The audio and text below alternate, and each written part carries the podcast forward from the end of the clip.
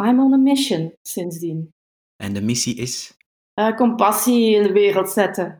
We hebben het zo nodig. Een beetje zachtheid, vriendelijkheid. Niet meer dan dat hoor. En ik heb ook geleerd dat geven zo blij maakt, zoveel vreugde geeft. Gewoon geven.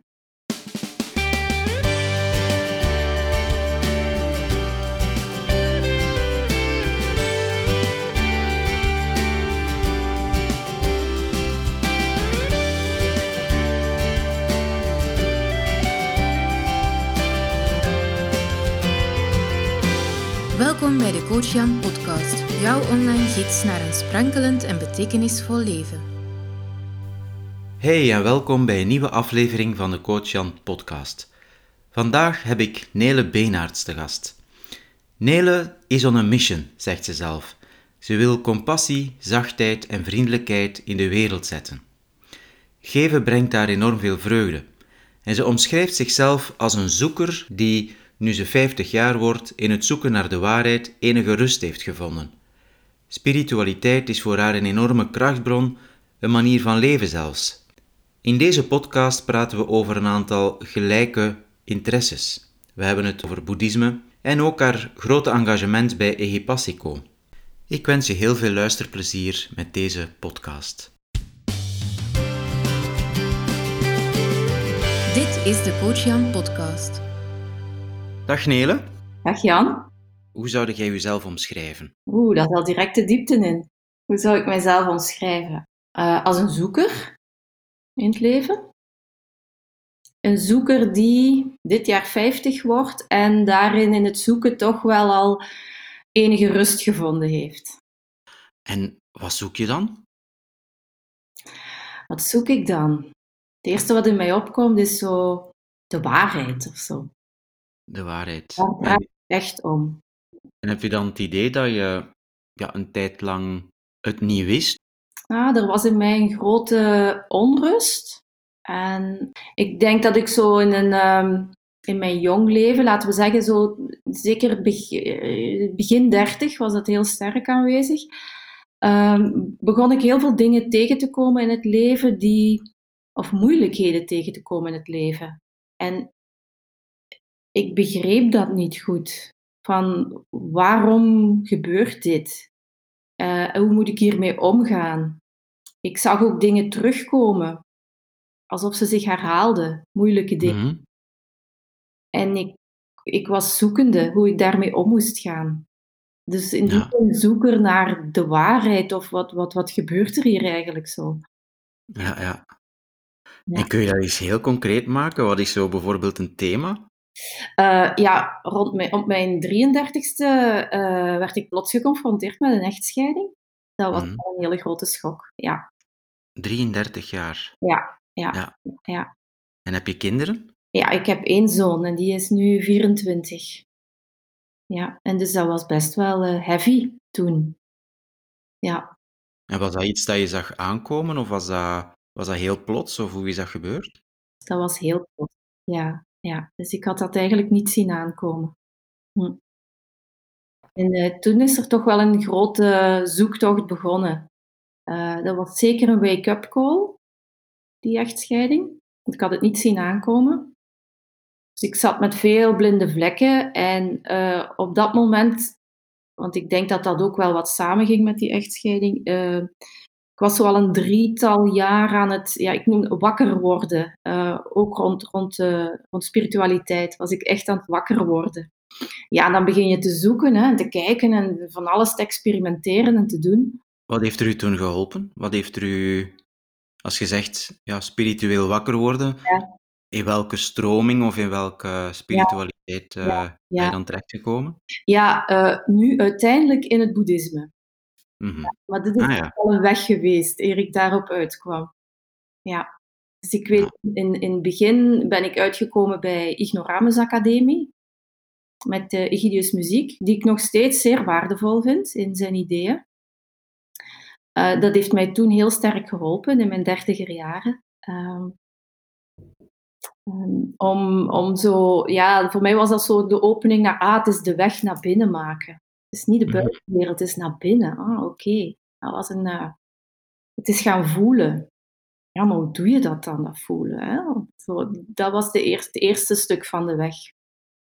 En dan was het toch ook ehm, daarna de, de opleiding van waar wij elkaar kennen, hè, interactionele vormgeving. Uh, educatieve academie, de vierjarige therapeutenopleiding, waar dat proces zich heeft verdiept. Ja, maar dat is heel mooi geweest. Um, en het, er was altijd wel een, een, uh, een soort van richtingaanwijzing of roep van het is voorbij al je ego-stukken te doen, maar je moet mhm. ook wel even door al je ego-stukken. Ja, dat ben ik wel gaan doen. Ik denk ook wel met de Educatieve Academie. Ja. Is de weg naar binnen, het is daar jezelf leren kennen, al je stukken leren kennen, een beetje door de modder kruipen, om dan uit te komen in, in iets voorbij al die stukken, al dat ego-denken. Ja. Dus dat was in kort gezegd de, de lange weg geweest. Ja, precies. Ja. En je bent dan uiteindelijk bij boeddhisme toe terechtgekomen. Hoe, hoe is dat gebeurd? Um, ik hoorde op een bepaald moment over Plum Village.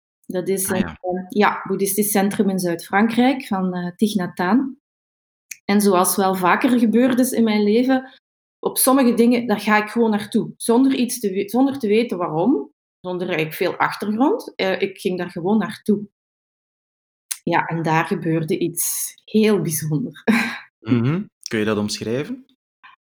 Um, ik was daar twee dagen, drie dagen. En ineens overviel mij een soort van geluk. En uh, ik wist niet waarom. Mm Ik had eigenlijk niks. Ik was gewoon gelukkig. Mm en dat was echt een, een heel wonderbaarlijke ervaring. Een soort geluk dat ik niet kende. Mm En kun je, weet je nog op het moment dat dat gebeurde? Wat, wat, wat, wat was er, in welke omgeving was je? Ja. Hoe is dat gebeurd? Wat, was de aanleiding? Dat was op Lazy Day in uh, Plum Village, als je daar een week naartoe gaat. Dat klinkt al goed, Lazy Day. Ja, ja, ja, ja, ja. Eigenlijk leren ze jou daar niks doen. Ja. Oké. Ja, dus in het midden van de week heb je een lazy day. Dus dan is er geen teaching, geen dhamma talk, geen meditatie, geen workshops, niks. Alleen eten. En verder wordt jou um, aangeraden van een dag niks te doen en te kijken wat je dan tegenkomt. En veel mensen lopen dan hartstikke tegen zichzelf aan. Maar ik blijk dat heel goed te kunnen, niks doen. Ja. Maar ik was al zo opgeladen door de liefdevolle omgeving daar, de zorgzaamheid, de, de inzichten, de nieuwe inzichten rond, um, rond, rond ademen eigenlijk. Gewoon ademen, stil worden en ademen. Um, dat ik daar zat op het grasveld en ongelooflijk gelukkig werd. Zo. Ja. ja. Het is heel bijzonder dat je dat vertelt, want ik heb eigenlijk een bijna identieke ervaring. Is het echt? Ja. ja. Um, was tijdens een stilteretraite met Christina Veldman. Oké.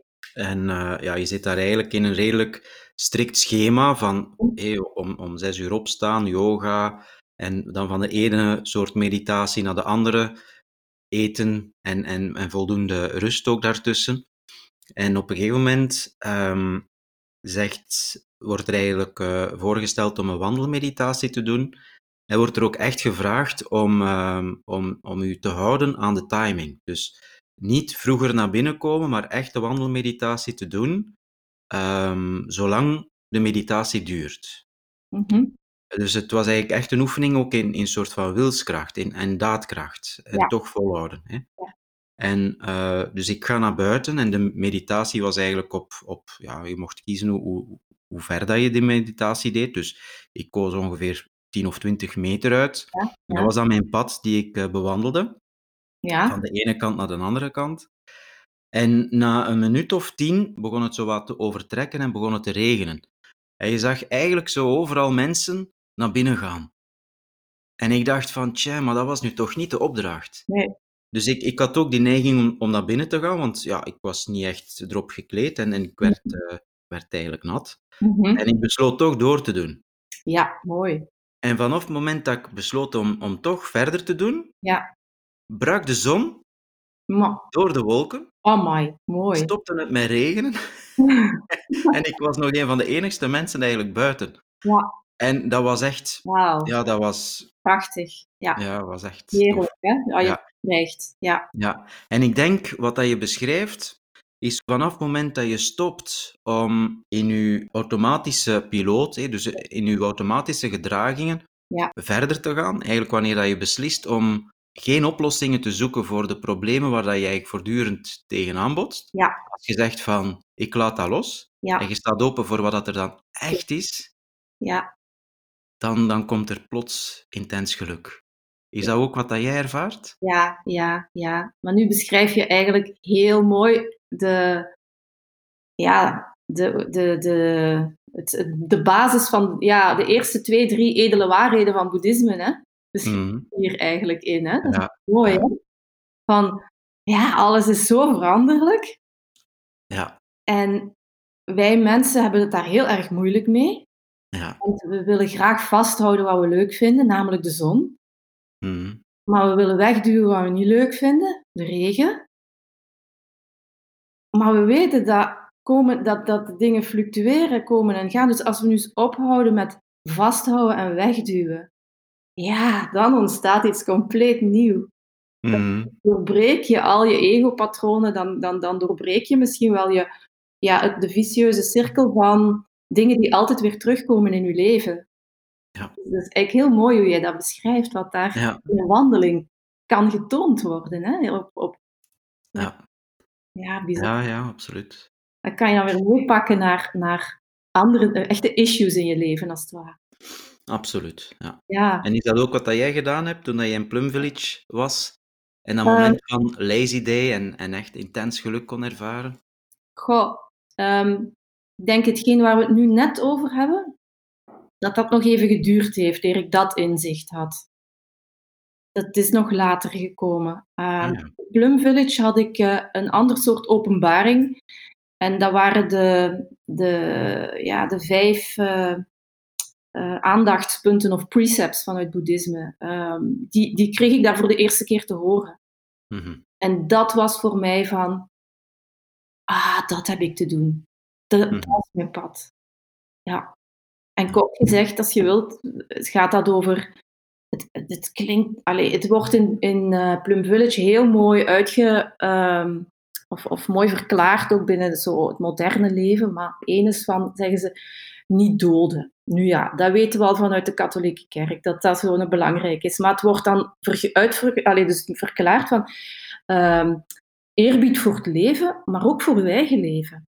Dus als jij iets doet voor een ander, wat voor u niet klopt, dan heb je ook geen eerbied voor je eigen leven.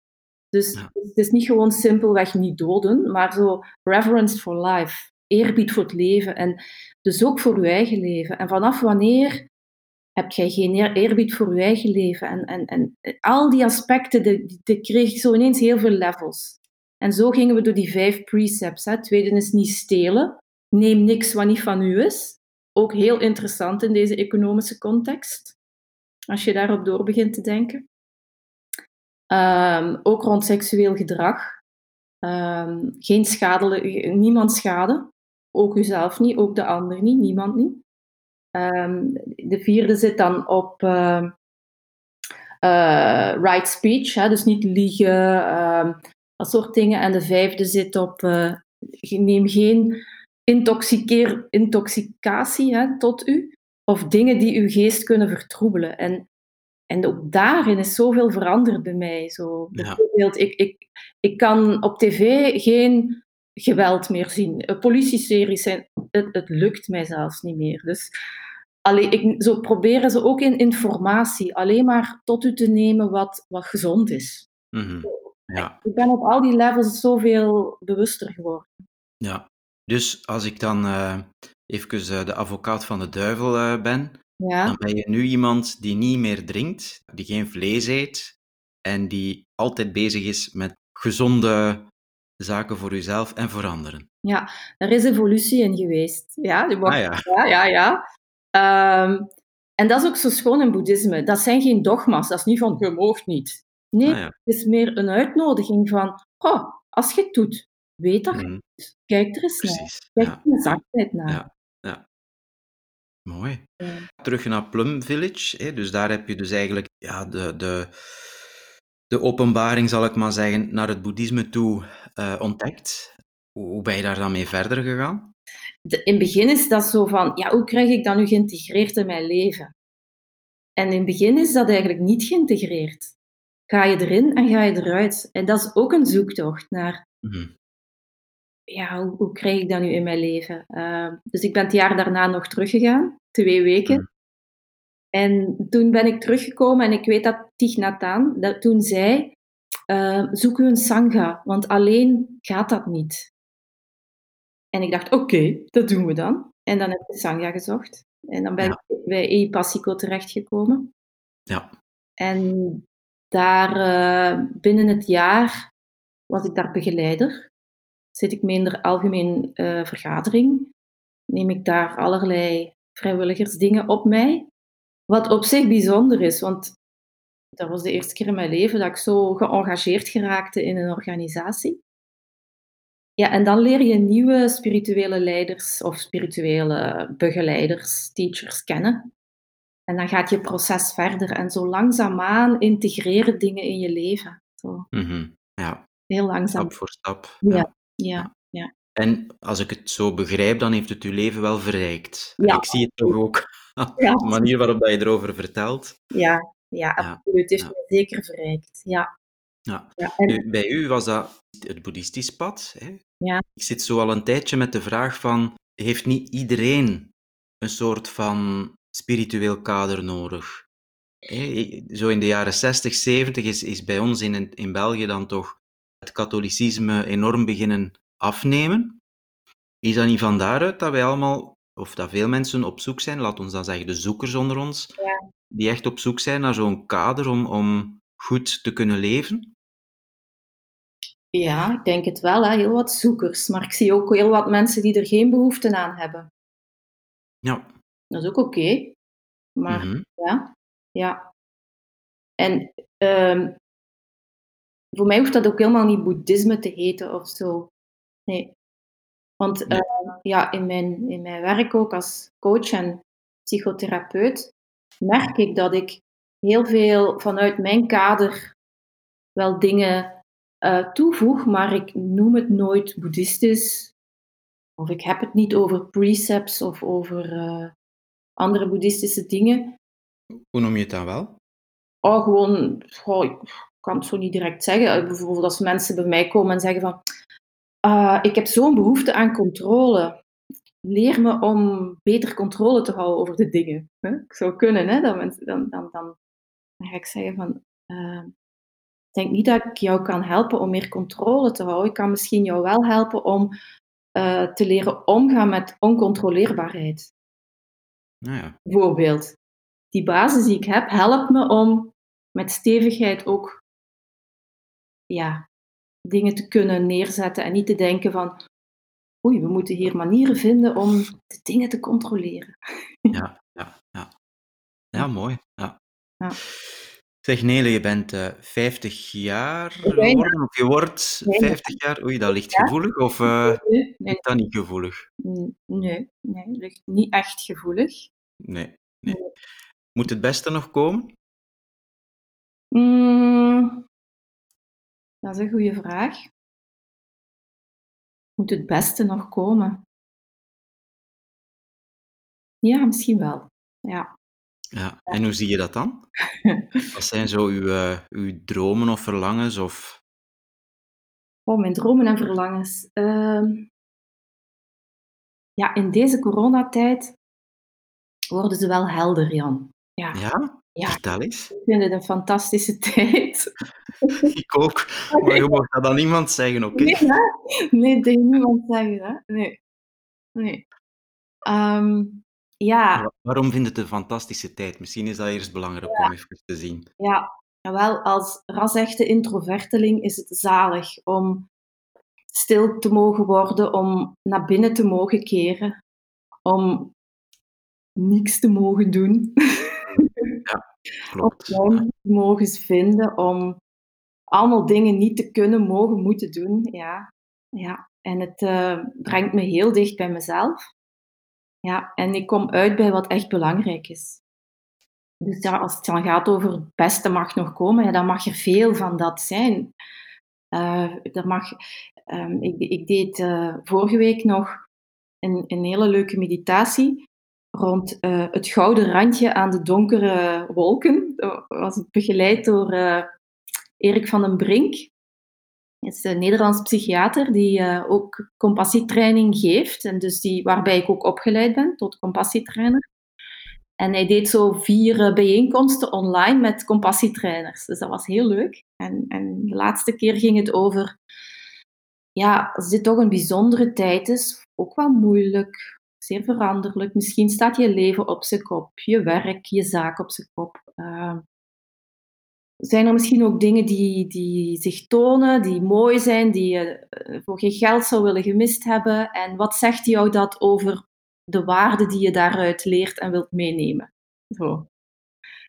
En uh, ja, dus als het beste nog moet komen, wat, wat hoop ik dan? Um, of wat ziet, toont zich dan nu in, de, in deze coronatijd? Dat is uh, um, diepe contacten met mensen, diepe contacten met cliënten.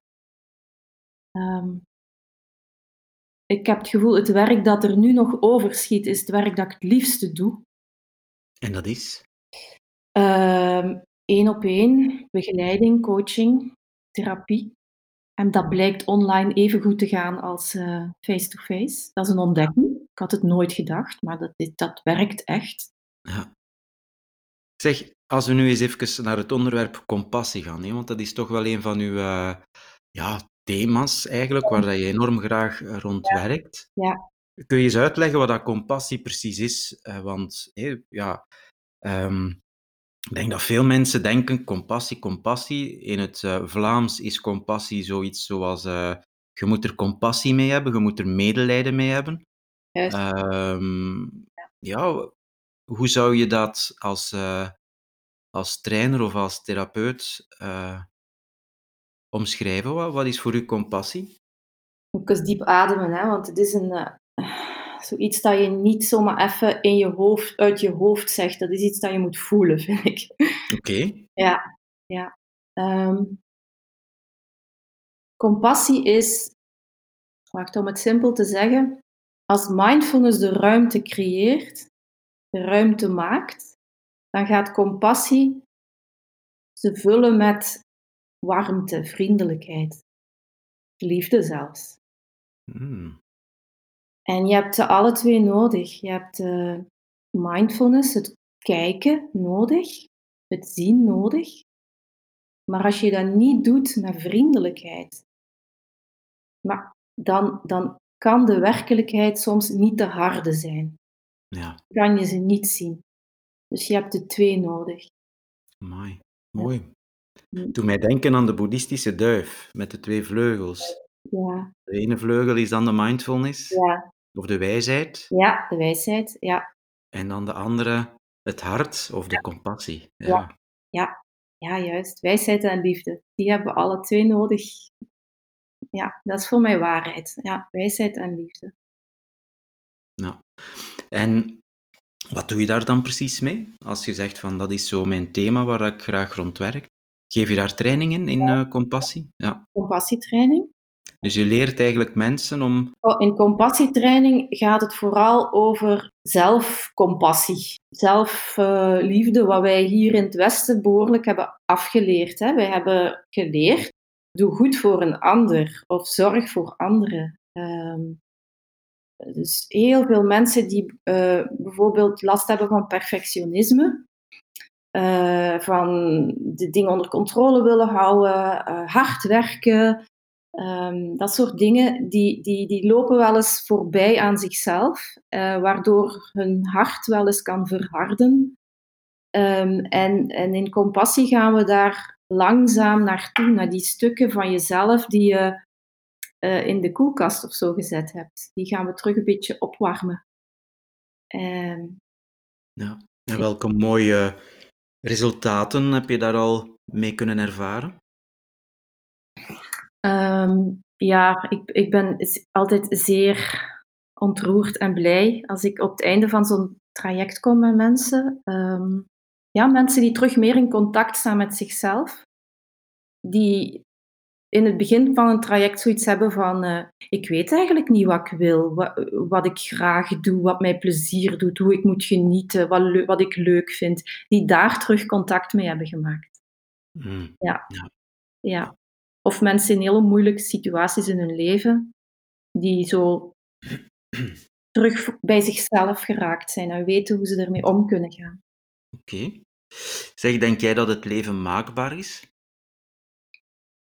Uh, mijn eerste gevoel is. Nee, ik hou niet van het woord maakbaar. Mm -hmm. Ik vind dat een heel techneute woord. Mm -hmm. ja, voor ingenieurs, niks tegen ingenieurs, maar uh, het leven maakbaar. Ja, je kan, je kan er anders mee leren omgaan en dan komen er wel andere dingen naar je toe. Dat geloof ik wel. Ja, omdat ik, ik, in deze podcast ga ik eigenlijk vooral op zoek naar een manier om uh, sprankelend en betekenisvol in het leven te staan, of een sprankelend ja. en betekenisvol leven te leven. Hè. Dus ik ga eigenlijk echt op zoek naar, uh, als je niet weet wat dat je leven betekenis geeft, hoe kun je daar dan achter komen?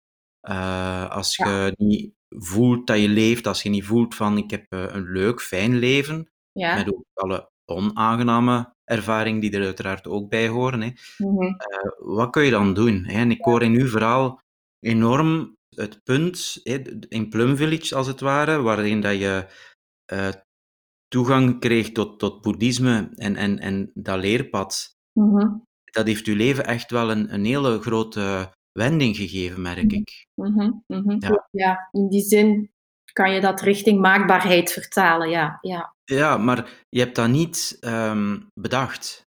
Je hebt dat niet Juist. bedacht in de zin van, ik, ik wil uh, een bepaald leven gaan creëren, wat ik wel veel mensen zie doen. Begrijp je wat ik bedoel? Ah ja. Het is, u als het, het is u als het ware overkomen. Ja, ja, ja, Jan, dat is de vrouwelijke weg. En dat is de vrouwelijke Ja, weg. ja dat is de vrouwelijke Ja. Oké, interessant. Ja. ja. ja, ja. Inderdaad, en de mannelijke weg zou dan zijn, ja, ik heb een bepaald doel, ik, uh, ik streef dan na. Ja, ja. Oh, zo heb ik je dat nog nooit gezien. Ja, ja zie, ja, dat, dat vind ik, ja. Dat heb ik ook altijd heel typisch aan jou gevonden, Jan. Dat jij zo Ja? stelde. En dat ik dacht, ah, dat gaat zo niet voor mij. dat werkt Nee, ja. Ja. Maar ik heb wel heel veel dat vrouwelijke moeten integreren intussen. Ja. Hè, omdat, Ja. ehm, ja, Maar anderzijds wil ik ook zeggen, ik bewonderde jou daar ook wel in, hoor. Voor, Mhm. voor het kunnen zo doelen stellen. Dus het is niet van dat ik dat afwijs. Het is en-en, hè. ja, ja, het is absoluut. En, Ja. en. Ja, Ja. ja. En bij Ja. mij heeft dat eigenlijk een, een, een vreemde beweging gemaakt. Want vroeger denk ik dat ik heel vrouwelijk in het leven stond, Mhm. eh, maar merkte van, het klopt niet. Ik Mhm. eh, raak er niet, of ik wil, eh, ik wil eigenlijk wel iets meer in het leven. En dan ben ik heel fel doelen beginnen stellen en Ja. dat heeft me heel veel gebracht. Ja. En nu ben ik zo, Ah, ja. denk ik, op een leeftijd gekomen dat ik die twee enorm laat balanceren. Mooi, ja. Ja. Ik denk dat dat ook wel, dat is ook wel mijn betrachting hoor, om eh, het mannelijke en het vrouwelijke in mijzelf in balans te, te hebben. Ja. Ja. Ja. Hoe doe je dat? Goh, dat vind ik een hele moeilijke vraag. Ehm, ik denk, ik werk ook heel veel in het bedrijfsleven. Mhm. En ik voel dat ik daar ook sterk in mijn, als ik dan even Jan-kracht moet, moet mag hè, gaan staan. Dus Jan-kracht of Jan? Ik had het goed begrepen. Oké, dat kan ook Jan-kracht, ja. Nee. ja. Ehm, en ehm, ik denk ook wel dat ik dat eh, goed kan of heb moeten integreren, dat, dat mannelijke. Dus structuur, ehm, kort zijn, ehm, efficiënt zijn, ehm, dat soort dingen vragen voor mij altijd net iets meer energie dan er zijn, laten komen, openen, aanwezig zijn, dragen. Dat is natuurlijk. En het andere heb ik moeten leren en integreren. Maar na twintig jaar bedrijfsleven, dus ik doe ook heel veel coaching en training in organisaties, en om een of andere reden, God weet welke, ja, over maakbaarheid gesproken, kom ik in uh, omgevingen waarin net uh, dat jonge heel erg dominant is. Alsof ik het daar ook moet leren of zo. Ah, ja. Structuur, kort, efficiënt, to the point. Ja. Waarin ik dan vanuit mijn vrouwelijke kracht probeer ook proces in te brengen. Ja. Ja. En dan op weerstand stuit van, voor wat, dat is niet nodig. Wat, een check-in, kom, laten we gewoon beginnen. Allee, dat soort ding. Ja, een check-in om even te vragen, hoe is het met u? Wat, wat staat er op de voorgrond? Ja, ja. en dan zijn mensen niet echt bereid toe in die, in die soort van... Uh... Dat is zoeken, van hoe krijg ik mensen bereid om in dat uh, proces ook mee te gaan, of ook naar proces te gaan. Ja. Mm -hmm. ja. Dus in die zin komt bij mij dat uh, mannelijk-vrouwelijk thema zo wel wat naar voren. Maar als ik nu, zeker nu in coronatijd, uh, mij toch één... Allee, ik zet geen doelen, Jan. Ik zet intenties. Oké, okay, maar dat, dat ik botste even op wat weerstand. Zo van alsof ik um, geen intenties zou plaatsen. Terwijl ik merk eigenlijk dat het bij mij ook intenties ah, geworden zijn. Ja. Het verschil met vroeger is inderdaad, vroeger zei ik van ik ga een marathon lopen en ik liep die ook werkelijk. Oké. Okay. Uh, nu heb ik de intentie eerder om een marathon te lopen. Nee, ja. dat is niet meer waar. Ik ga dat nooit niet meer doen trouwens. Okay. Um, in, intentie om iets te bereiken, maar tegelijkertijd kan er van alles op mijn pad komen waardoor dat dan niet bereikt kan worden, maar er is dan wel iets anders. Ja. He, dus ja. is het ook in die ja. betekenis dat jij het ziet? Ja, ja. En tegelijkertijd heb ik ook iets zeer, iets, iets uh, in mij dat, uh, van, van een soort van discipline of zo. Dus ik kan ook heel erg wel voor mijn intenties gaan. Ja. Dus daar zit ook weer, hè, het, is, het is niet alleen maar flow. Het is ook echt wel vasthouden aan intenties. Klopt. En ik zie eigenlijk nog een belangrijk verschil. Ja. Want een, een intentie is denk ik meer waarde gedreven. Mm -hmm. En een doel is eerder spreekt minder de waarde uit, ik zal het zo zeggen. Ja, Bijvoorbeeld, de intentie is, zou kunnen zijn van ik ga beter voor mijn gezondheid zorgen.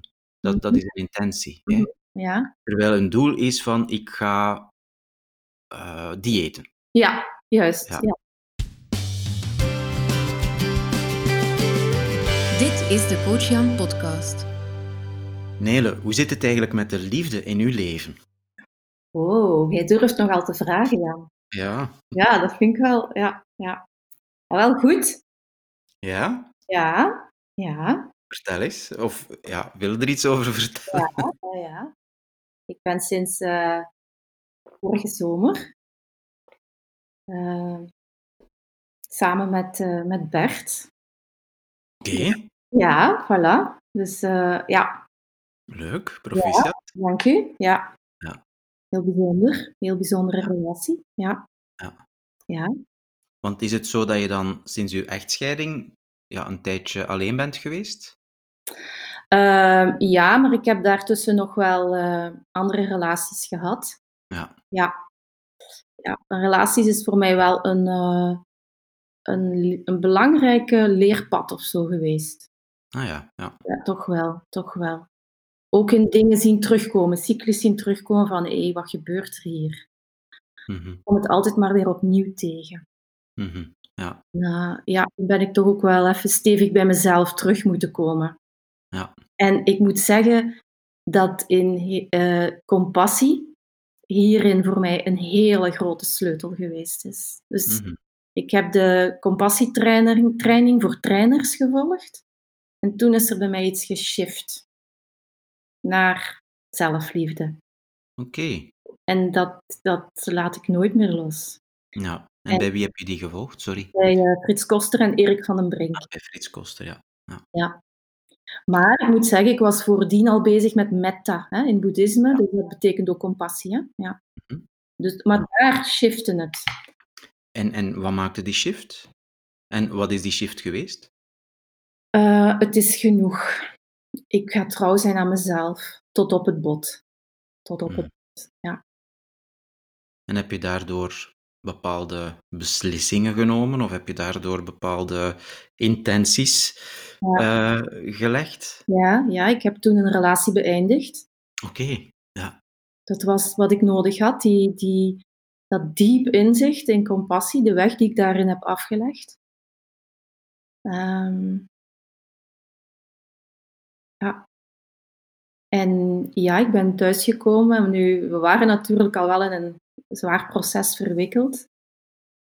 En toen uh, ben ik niet thuisgekomen van het is gedaan, hè, maar wel zo van kijk, dit heb ik echt nodig. En als dit er niet kan zijn, dan, dan laat ik u los. Niet zo, ook niet eisend of zo, maar gewoon trouw aan uzelf. Ja. En dan, weet je nog wat dat, dat was? Wat dat er niet was? Uh, ja, maar dat wil ik toch graag voor mezelf houden. Ja, ja. ja. ja dat is helemaal oké. ja, Ja. ja, ja. Maar het ging, dat was heel diep, ja. Mm, ja. ja. Dat met waardigheid voor mezelf of zo te maken, ja. Ja, ja, ja. En toen heb ik ook gevoeld, ik heb iets te doen met compassie. En ik had direct twee groepen. En ik had weer gewerkt met twee groepen en ik vond, ja, fantastisch werk en ja, heel fijn. En ik ben Ja. verder en verder gegaan met metta-beoefening, ook binnen boeddhisme. Ja. ja, zo, I'm on a mission sindsdien. Ja, I'm on a mission. Ja. Ja. En de missie is? Uh, compassie in de wereld zetten. We hebben het zo nodig. Een beetje zachtheid, vriendelijkheid. Niet meer dan dat hoor. Ja. Een beetje openheid van hart. Cultivate the heart, zegt de Dalai Lama. Jullie westerlingen, is de zo in jullie hoofd. Ga eens terug naar je hart. En sinds ik dat doe, is eigenlijk nog een nieuwe shift hoor in het leven. Na, na Plum Village. Ik vind het fantastisch de, de, de dingen die er nu gebeuren. Ik krijg een kaartje van die, een lief mailtje van die. Het is alsof het allemaal terugkomt. Zo. En, en ik heb ook geleerd dat geven zo, zo blij maakt, zoveel vreugde geeft. Gewoon geven. Ja, ja fantastisch gewoon. Ja, knap hè? En als je zegt van, I'm on a mission, ik wil meer compassie in de wereld brengen, Ja. is dat dan wat dat uw leven betekenisvol maakt? Absoluut, Jan. Absoluut. Ja. Ja. Als we eens even gaan kijken naar uw inspiratiebronnen. Mogen mensen zijn, of boeken, of, of muziek, of, of wat dan ook. Ja, ja. Ja, ehm, mijn teacher op dit moment is eh, Sister Viragnani. Ja, ik heb die al eens gezien op Facebook bij u, denk ik. Eh, eh, een bezoek aan een groenten- of aan een eh, De pluktuin. ja, de CSA-boerderij hier hè, in Schelle. Ja. Ja. Ja. Ja, ze heeft al bij mij gelogeerd vandaar. Ja. Oké, kijk eens aan. Ja, Ja. Ja, Ja, en wat trekt er u zo aan in, in die persoon? die is compassie. Oké, Ja. Ik heb die ontmoet een paar jaar geleden op een avond bij Egipassico. En ik heb daar afgelopen maanden nog gezegd, want ik heb haar gezien, ik ben naar Birma geweest, naar, eh, naar een retraite, en ik heb haar nog gezegd van, zuster, ik weet echt niet meer wat je toen precies zei, maar ik weet echt nog het gevoel dat je mij gaf. ja, dus zo één grote energiebom van compassie of zo. Ja, ja, mooi. ja. Zijn er nog mensen? Of boeken, of ja, maakt niet uit. ja. Waar haal jij je inspiratie? Ik zal het zo Ja. vragen. Ja, ja. Ehm, ik haal mijn inspiratie ook wel in boeken, maar nog meer eigenlijk gewoon in, eh, in vriendschap. Ook in ja, spirituele vriendschap. Maar dat woord spiritueel mag eraf. Voor mij is alle vriendschap spiritueel eigenlijk. Ja, op een of andere manier wel, ja. Dus door diepe gesprekken, door Ehm, mensen die, die zeggen van, goh, ik heb gisteren een Dhamma-talk gehoord en, en die legden het accent op het feit dat concentratie zo belangrijk is in, in, in compassie. Dat ik denk, ah ja, ja, dat is waar. Ja, en, en hup, en ik heb weer een, zo. Dus op die manier haal ik eh, heel veel inspiratie. Ehm, maar als je het dan toch over boeken wil hebben, want dat had je me gevraagd hè, op voorhand. Ehm, ja, de boeken van Eckhart Tolle hebben me sterk geïnspireerd. Het pijnlichaam, de pain body, gelijk hij dat zo mooi zegt. Ja, vond ik heel Mhm. goed. I can't live with myself anymore, gelijk Eckhart het zo mooi zegt. Wie is I en wie is myself? Ja. Vond ik ook heel, heel inspirerend. Ik niet welke ik eh, hier nog... Ja, eh, ah ja, ze ligt hier in het boek. Tara Brach, Radical Acceptance. Vind Ah, ik ook, eh, heeft mij ook heel veel gebracht. Maar dat is ook pure compassie. Ja, Ja. Ik zit zo met een, een dilemma rond, ehm, rond psychotherapie Ja. en commercialiteit. ja, En ik Ah, ja. heb zo, Tara Brach is zo echt iemand die enorm goed is, ook in haar marketing. ja, En dat is heel mooi, want ze is, ze is ook on een, on een mission. Hè. Ze is, ze is echt, eh, ze wil ook compassie, denk ik, in de wereld brengen, Tara Brach. ja. Met haar RAIN-methode. Brain, ja. Ja. Eh, en tegelijkertijd zie ik zo voortdurend cursussen passeren en dan zoveel korting en dan dit en dat. En hoe kijk jij daar naartoe? Hoe, hoe maak jij jezelf zichtbaar? Ja, ik vind dat ook een hele moeilijke, Jan. Ik zou het liefst van alles op basis van donatie werken. Ja, Dana, zoals dat, dat dan heet. Ja. Inderdaad, inderdaad. Ja. Of op in iets rond deeleconomie. Mhm. Ik, denk daarover, maar ik heb het antwoord nog niet. Als ik, je had het net over de plukboerderij, hè, de CSA-boerderij. Dat is deeleconomie. Ook Ja. kijk, dit is mijn loon, dit heb ik nodig om rond te komen. Ik doe je een aanbod voor een jaar. Eh, je kan gebruik maken van alles wat ik aanbied. En dat kost u zoveel per jaar, omdat dat mijn kosten zijn. Mhm. Dan hebben we nog voor de mensen die minder begoed zijn, die kunnen dan wat minder betalen en die wat meer begoed zijn, wat meer. Eigenlijk zou ik idealiter zo willen werken. Ja. Ben ik naïef? Misschien. Nele, is er nog iets wat je de luisteraar, zal ik zeggen, wil, eh, wil toewensen of nog iets wat je wilt eh, nog iets vertellen of meegeven? Wat wil ik nog meegeven? Ehm, wees uzelf. En Wees vriendelijk voor uzelf. En voor anderen, alstublieft ook. Want, weet je, ik en jij, wij zijn niet het middelpunt van het universum. en dat heeft zoveel opluchting. Haha. Ja, Ja, oké. Mooi. Dank u wel voor dit gesprek. Alsjeblieft, Jan. Graag gedaan. Dit was de Coach Jan podcast. Reageren op deze aflevering kan via www.coachjan.be podcast. Vond je dit een goede aflevering? Dan stellen we jouw waardering en beoordeling in iTunes op prijs. Dit zorgt er mee voor dat ook andere mensen deze podcast vinden. Bedankt voor het luisteren en vergeet niet, maak er een sprankelende en betekenisvolle dag van.